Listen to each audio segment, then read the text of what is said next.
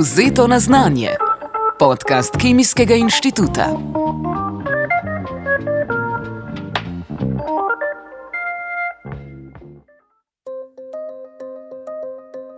Voda je vir življenja in najdemo jo povsod okoli nas. Pa tudi v nas samih. Kemično jo sestavljata dva vodika in en kisik, ki se med seboj precej razlikujeta. Vodik, da nimo najdemo na samem začetku periodnega sistema. V enoatomnem stanju je najpogostejša snov v vesolju, baje je kar 75 odstotkov vesolja vodik. Celo zvezde so v začetnem obdobju svojega obstoja sestavljene pretežno iz njega. In ne nazadnje je tudi kar 10 odstotkov vsakega posameznika vodik. Na Kemijskem inštitutu se z vodikom še posebej ukvarjajo na področju vodikovih tehnologij. Da bi o njih izvedeli kaj več, smo v tokratnem podkastu gostili izrednega profesorja dr. Blaža Likozarja, vodjo odseka za katalizo in reakcijsko inženirstvo in docenta dr. Mateja Huša z istega oddelka. Najprej smo jo prosili naj nam povesta, kaj vodikove tehnologije sploh so in kaj ta pojem zajema. Zdaj, vodikove tehnologije, seveda, so bile v okolici nas že um, desetletja, recimo bolj intenzivno, v, v nekih praktičnih smislih, pa v bistvu recimo že stoletja. Kar to pomeni v, v nekem um, znanstvenem ali pa recimo tehnološkem smislu, je predvsem to, da se raziskuje tehnologije, kot ste omenili, in pač sam vodik v smislu neke nove energetske realnosti, s katero se soočamo, tako imenovan zelen prehod, razogličenje in um, ne na zadnje tudi neka energetska suverenost. Ne? In v tej luči tudi poznamo, seveda, različne, lahko bi rekli, odtenke vodika. Oziroma, tudi različne izvore vodika. Ne? Zdaj, vodik je ena najlažjih molekul in človeštvo, ali pa predvsem nas, evropejce, ki nimamo veliko drugih naravnih bogatstv, vodik predvsem zanima kot um, energetski in surovinski nosilec, ne, se pravi nekaj, iz česar bi lahko energijo črpali. In do sedaj, recimo, če pogledate neko Evropo, neko povprečje, velika večina tega vodika prihaja recimo, iz zemeljskega plina. In če bi pač na ta način nadaljevali, vidite zdaj z Ukrajino in z vsem, uh, nam v bistvu to ne pomaga kaj dost pri razogličenju, zaradi tega že nekaj časa nazaj, pa zdaj z večjim razmahom. Um, se je začelo bolj intenzivno, predvsem industrijsko, gledati um, elektrolizo ali pa razklop vode na vodik in kisik kot zelo zanimivo tehnologijo, ki jo v bistvu lahko tudi na pač nekih evropskih tleh na nek dostojen način, sicer zaenkrat še precej lahko vzpostavimo. Le odkot pa vsta vodik, ki ga na Kemijskem inštitutu uporabljajo v raziskavah, sploh dobijo? Pri naših raziskavah pride iz, iz jeklenke. Ampak uh, mogoče to je pomembno povdariti, da vodik kot tak, ja, seveda je energent, ampak vodika ne moramo rudariti ali pa nekje nabirati. Ne? V tem smislu je vodik vektor, kar pomeni, da še vedno potrebuješ nek vir energije, ki ga potem uporabiš za proizvodnjo vodika. Ne. Trenutno je večina vodika proizvedenega iz fosilnih goriv, ne, iz zemljskega plina, z reformingom, um, kar seveda ni najbolj okoljsko prijazno in optimalno. In kot je omenil Blaž, recimo elektroliza vode, če pa imamo zdaj nek zelen vir električne energije, recimo bodi si solarno energijo, um, ne, veterno konec koncev tudi jedrska na nek način, je pa potem ta vodik eh, zelen. Ne? Skratka, uh, mogoče lahko tudi to potem še bolj podrobno si pogledamo, kaj govorijo o različnih barvah vodika, glede na to, iz česa je nastal in kak je njegov okoljski ali pa oglični odtis. Ne? Mislim, da to blaž bolj pozna te barvne lestvice. Ja, v bistvu, če iz obnovljivih virov energije, kot sta recimo sonce in veter, pač to, kar dan danes smatramo kot obnovljive vire energije, uh, vodik narejen z cepljenjem vode, uh, običajno to imenujemo zelen vodik. Uh, če uporabimo jedrsko energijo, ki je tudi sorazmerno čista. V nekih uh, splošnih ali pa splošno razpoznavnih uh, terminih govorimo o rožnatem vodiku. Uh, če pa govorimo o vodiku iz uh, recimo fosilnih uh, virov, je pa tako imenovani sivi vodik. In z recimo mogoče nekim takim posebnim obratom, če to delamo s tem, da preostali ugljikov dioksid, ki pri tem procesu neobhodno nastane, zajemamo, govorimo o tako imenovanem modrem vodiku. Zakaj pa ravno te barve? Ker vodik sam po sebi nima barve. To, to je zelo pač zanimivo vprašanje, ne? ker vedno če govorimo o vodiku, vodik kot tak je seveda vodik. In tudi mogoče vodik je sam vrh ene ledene gore, kar se tega tiče. Tukaj je še cela paleta zadaj drugih um, kemikalij ali pa surovinskih virov, ki v bistvu si z vodikom nekako delijo usodo, kar pomeni, da tudi v, v kemijskem smislu so pa vsem enaki, gre pa za to, odkot. Mi črpamo surovino in odkot črpamo energijo za te kemijske pretvorbe. In tukaj je bistvena razlika če mi uporabljamo tako imenovani ta sivi vodik, uh, v bistvu vse, kar delamo, je pretvarjamo spet neke energetsko bogate molekule, kot so uh, nafta. Kot so te, ki se nahajajo v nafti, kot so te, ki se nahajajo v zemljskem plinu, zato da v bistvu ta vodik pridobivamo. In v bistvu nekako z majhnimi koraki nadaljujemo to rafinacijo, ki jo imamo do zdaj. Če pa to delamo, recimo z, z cepljenjem vode, elektrokemijsko, fotokemijsko, termokemijsko, pa v bistvu na ta način v bistvu dobimo tako imenovan zelen vodik, seveda pa s tem ogromno energije v ta proces vložimo, ker so to izjemno nereaktivne molekule. Zaradi tega tudi v bistvu življenje, kot ga poznamo danes na Zemlji, obstaja. Vodika ne moremo okusiti ali zavohati, tako da tudi posledice koronavirusa na našo zaznavo vodika ne vplivajo ravno veliko. Je pa sicer zelo uporaben element. Uporabimo ga lahko tudi kot gnojilo za rafiniranje kovin ali za ustvarjanje umetnih materijalov, kot je plastika. V raketah ga že uporabljajo kot gorivo in upanje obstaja, da bo morda nekoč kot gorivo tudi dobra zelena alternativa benzinu. Ampak kako lahko vodik uporabljamo kot gorivo? Vodik, kakorkoli ga pridobimo, ima več načinov uporabe. Gorivne celice so eden izmed načinov, kako lahko ta vodik uporabljamo, ne? kjer v gorivnih celicah pač kontrolirano reagira s kisikom, nastaja voda in pridobivamo energijo. Potem drug način uporabe vodika je tudi, če bi ga uporabljali čist kot, kot gorivo, ne? se pravi, da bi ga po domač povedan sežgali ne? v tem primeru. Uh, še tretja pomembna uporaba je pa, pač vodik, ki je tudi. Um, bi rekel, surovina oziroma vhodna kemikalija v nekaterih kemijskih postopkih. Sprav, vse to troje so funkcije, ki jih upravlja vodik, in zdaj, katero od teh funkcij potrebujemo, je pač odvisno od, od naših potreb ne? in pač kaj konkretno se ta vodik uporablja. Na Kemijskem inštitutu se na nek način ukvarjajo z vsemi tremi sferami. Če so vsa omenjena področja že tako dobro raziskana, zakaj potem še niso prešla v širšo rabo? samo pridobivanje vodika z elektrolizo in potem uporaba v gorivnih celicah kot način shranjevanja energije je pregovorno slabo učinkovit. Zaradi tega, vkolikor ta možnost obstaja, je vedno bolje vodik uporabiti neposredno kot surovinski vir v nekem kemijskem ali pa nekem drugem procesu predelave. Um, Kar se tiče pa shranjevanja energije, ne omenili ste uh, gorivne celice, seveda tudi teh poznamo več različnih uh, vrst oziroma tipov. Um, je pa ta proces uporabe vodika ali pa mogoče tudi nekih naslednjih intermediatov, ki nastanejo z uporabo vodika, recimo alkoholov, amonijaka, ne, predvsem zanimiv zato, ker v bistvu omogoča zelo dolgotrajno shranjevanje energije, za razliko od vsem dobro poznanih baterij.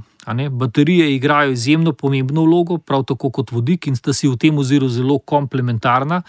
Hkrati pa, če imamo primeren način shranjevanja vodika oziroma njegovih uh, kemijskih proizvodov, v bistvu lahko hranjenje energije iz mogoče nekega razdobja nekaj dni raztegnemo na obdobja tednov, mesecev, v nekem zelo optimalnem primeru, morda celo let.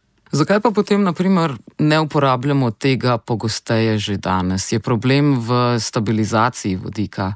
Ja, vodik je um, zelo majhna molekula, ne? v bistvu najmanjša molekula. In zaradi tega je vodik tudi zelo taka prodorna molekula. Torej, našel bo najmanjše možne razpoke in bo pronico skozi njih. Kar pomeni, da je ta vodik zelo, zelo težko hraniti, sploh za daljše časovno obdobje.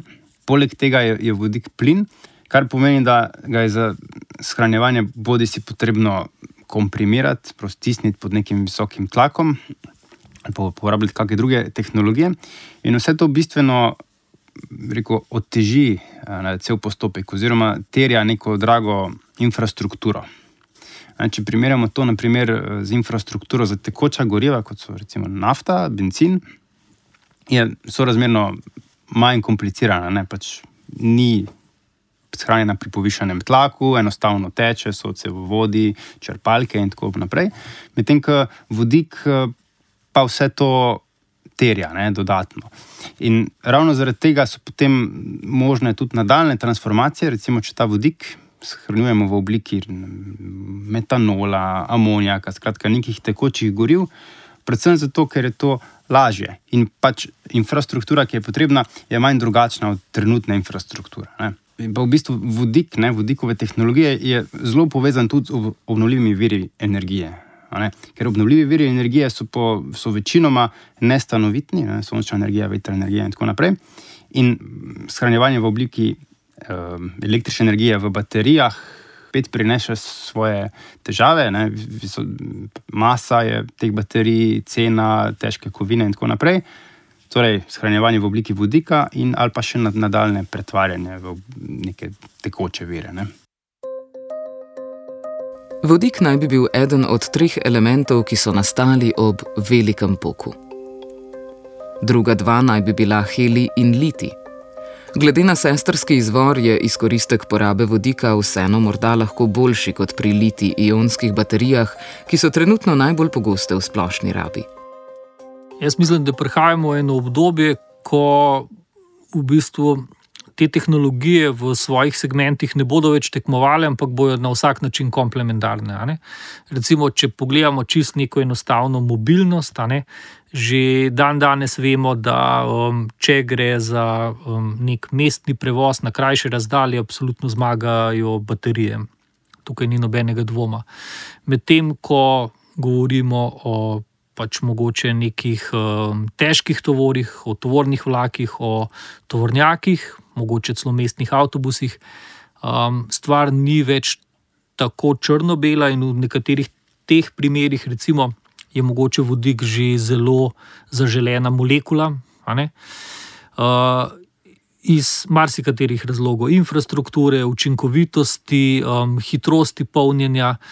Uh, zaradi tega mislim, da kar se tiče prihodnosti, bo ta predvsem zelo raznolika, uh, zelo dopolnjujoča se. Uh, In na ta način uh, mislim, da bomo imeli uh, tako napajanje z, z gorivnimi celicami, z vodikom za neposredno izgorevanje, in seveda tudi uh, elektrifikacijo neposredno prek baterij, ali so to litijonske, ali pa mogoče celo kakšna naslednja generacija. Zdaj, če bi imeli vodik, torej avtobuse, mestne avtobuse na vodik, in bi se zgodila prometna nesreča. Nekateri se bojijo, da bi potem pravzaprav to izgledalo, kot da je padla vodikova bomba.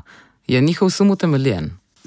Vodikova bomba je nekaj popolnoma drugačnega. Ne? Vodikova bomba je lajično poimenovanje za fuzijsko bombo, ne? ki je v svoji, v svoji osnovi um, jedrsko orožje.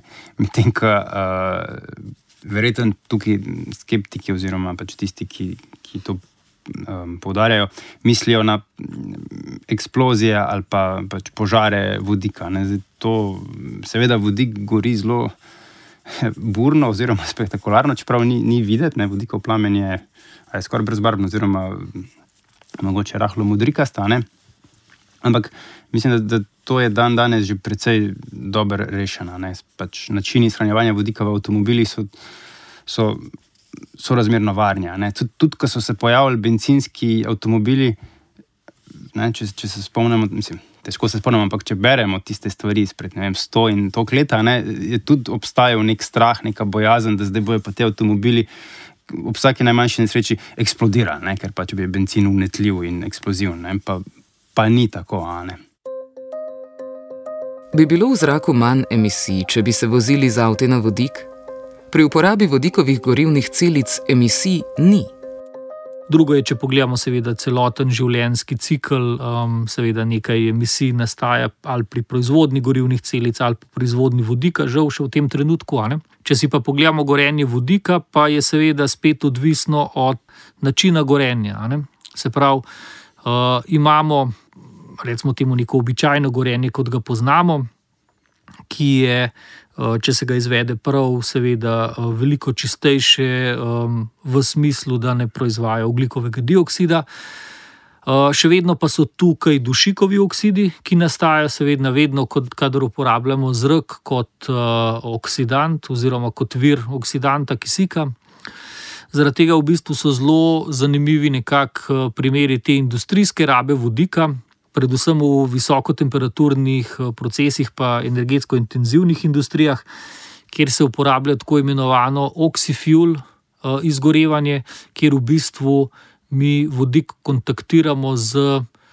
Recimo temu kisikom, oziroma obogatenim zrakom, kjer v bistvu mi znatno zmanjšamo vsebnost dušika, ki ne, to je nekako osnovnošolsko ali pa srednješolsko poznavanje, je uh, velika večina zraka, ki ga dihamo. Eh, in v primeru, da mi ta zrak obogatimo, v smislu, da se delež kisika poveča, v bistvu v idealnem primeru, kot edini praktično produkt oziroma proizvod zgorevanja, dobimo zgolj vodo, ki pa je seveda absolutno benigna, kar pomeni, da nimamo ne oglikovega dioksida, nimamo ne dušikovih oksidov in seveda, ne, če je naslednje vprašanje, ki ga pričakujemo, na zakaj tega pol ne delamo več, seveda podobno kot pri večini stvarih z vodikom, ker so primerjalno trenutno drage, oziroma potrošniki oziroma prebivalci še nismo pripravljeni plačati te cene na račun, um, recimo, temu čistejšega okolja. Celo voda, ki ostane kot stranski produkt, je destilirana voda, ki bi si jo lahko natočili v kozarec in popili. Le kakšna bi bila sicer to trajnost in zelenost, če bi morali hkrati uničevati vodo? Na vodik bi torej lahko gledali kot na tehnologijo, ki omogoča lažje izkoriščanje ali bolj učinkovito izkoriščanje obnovljivih virov energije.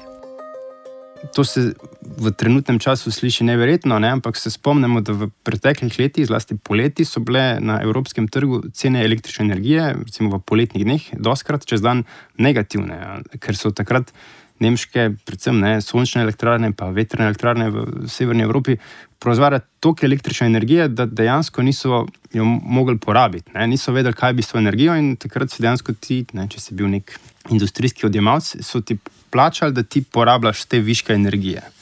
In če bi recimo takrat te viške lahko uporabljali za proizvodnjo vodika.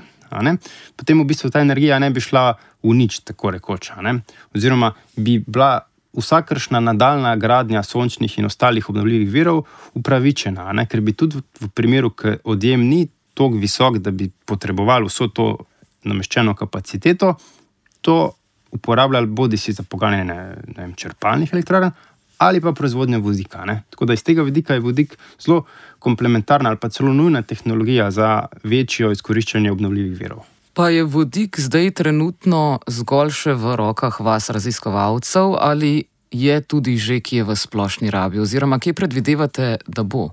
Ma je že nekje. Ne? Ravno zadnjič sem poslušal, da so, pa zdaj se ne spomnim točno na katerih otokih Velike Britanije, tam na severu imajo nek trajekt, ki vozi na vodik ker imajo tam toliko veternih elektrarn, da so potem postavili dejansko te elektrolizerje vode, ki proizvajajo vodik, in imajo tam trajekt, ki vozi na, no, ne na celino, ampak pač na glavni otok eh, Velike Britanije, ne, popolnoma na vodik. Recimo, to je en tak primer. Pri nas pa verjetno ga ni v bližini. Ali? Mm, jaz mislim, da je pač kljub temu, da v marsikaterem pogledu caplamo za Evropo. Eh, še vedno imamo v bistvu nekaj teh eh, svetilnikov, ne, Eden izmed teh je v, v steklarstvu, ali recimo steklarna Hrastnik, eh, je v bistvu začela s pilotnimi projekti na to temo in potem nadaljevala z, v bistvu bo nadaljevala z eh, pač nekimi demonstracijskimi kampanjami v, v pač prav industrijskem merilu. Ne na zadnje, v Ljubljani, verjetno znamo dobiti eh, vodikove avtobuse v množini v bližnji prihodnosti, če smo imeli enega že na, na preizkusu. Morda so prav za takšne uporabne implementacije vodikovih tehnologij pri Kemijskem inštitutu ustanovili tudi vodikov center. Če recimo bi lahko rekli, da na Kemijskem inštitutu v osnovi se posvečamo um, neki temeljni znanosti, se pravi, to so neki tehnološke ravni zrelosti, tam ena do dva, v bistvu nam to vrstni centri omogočajo neke vrste peskovnik za industrijo, bi lahko temu rekli, kjer um, lahko posamezna podjetja v bistvu se bolj spoznajo s to vrstnim tehnologijam in predvsem jih tudi preizkusijo za neke svoje konkretne izzive, ki jih imajo. In tukaj ta psihološki dejavnik oziroma dejavnik. Um, Razumevanja ali pa poznavanja, ne, Matej je prej omenil, recimo, neko to skepso, ki se je pojavila že v prvih benzinskih ali pa dizelskih avtomobilih, v bistvu na ta način lažje odpravljamo. Ne. Ljudje smo po eni strani zelo zasvojeni z napredkom, po drugi strani smo pa hkrati tudi zelo skeptični do tega. In nove tehnologije ne spremenijo sveta, ki se pojavljajo, ampak ki postanejo tako poceni, da se jih množica privošči. To, to je zadnji tak primer, so bili verjetno pametni telefoni.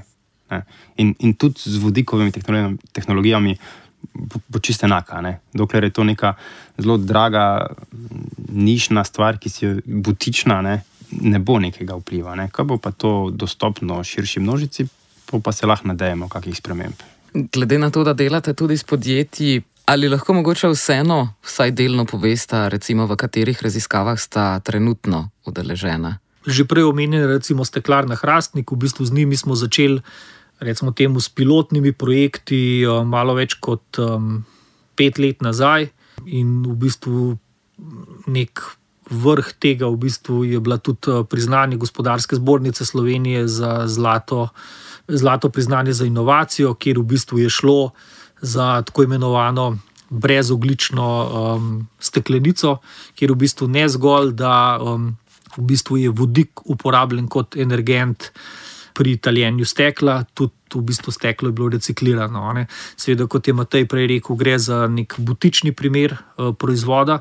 In uh, mislim, da tudi v marsikaterih ozirih bojo to tako imenovani ti um, pionirji oziroma early adopters, kjer v bistvu se bo lahko ta trenutno višja cena vodika skrila v višji dodani vrednosti proizvodov. Vodiku sicer že tako ali tako dolgujemo večino energije na Zemlji. Jedrsko delovanje Sonca namreč pretvarja vodik v heli, pri čemer se sprošča velika količina energije, kar so zaznali že naši predniki, ko so na poletni solstici najverjetneje molili takole: Ra, Helios, Sol Invictus, Aten, Svarok.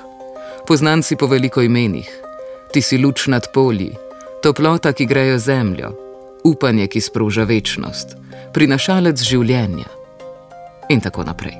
S tem zaključujemo novembrski podcast in pija vas do prihodnjega meseca lepo pozdravljam.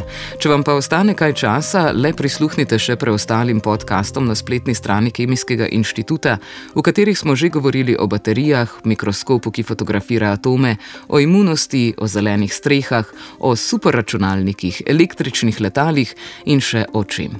Do prihodnič torej, naslišanje. Ja, dat is een normaal. Dat is niet een Aha. Ja, dat is toch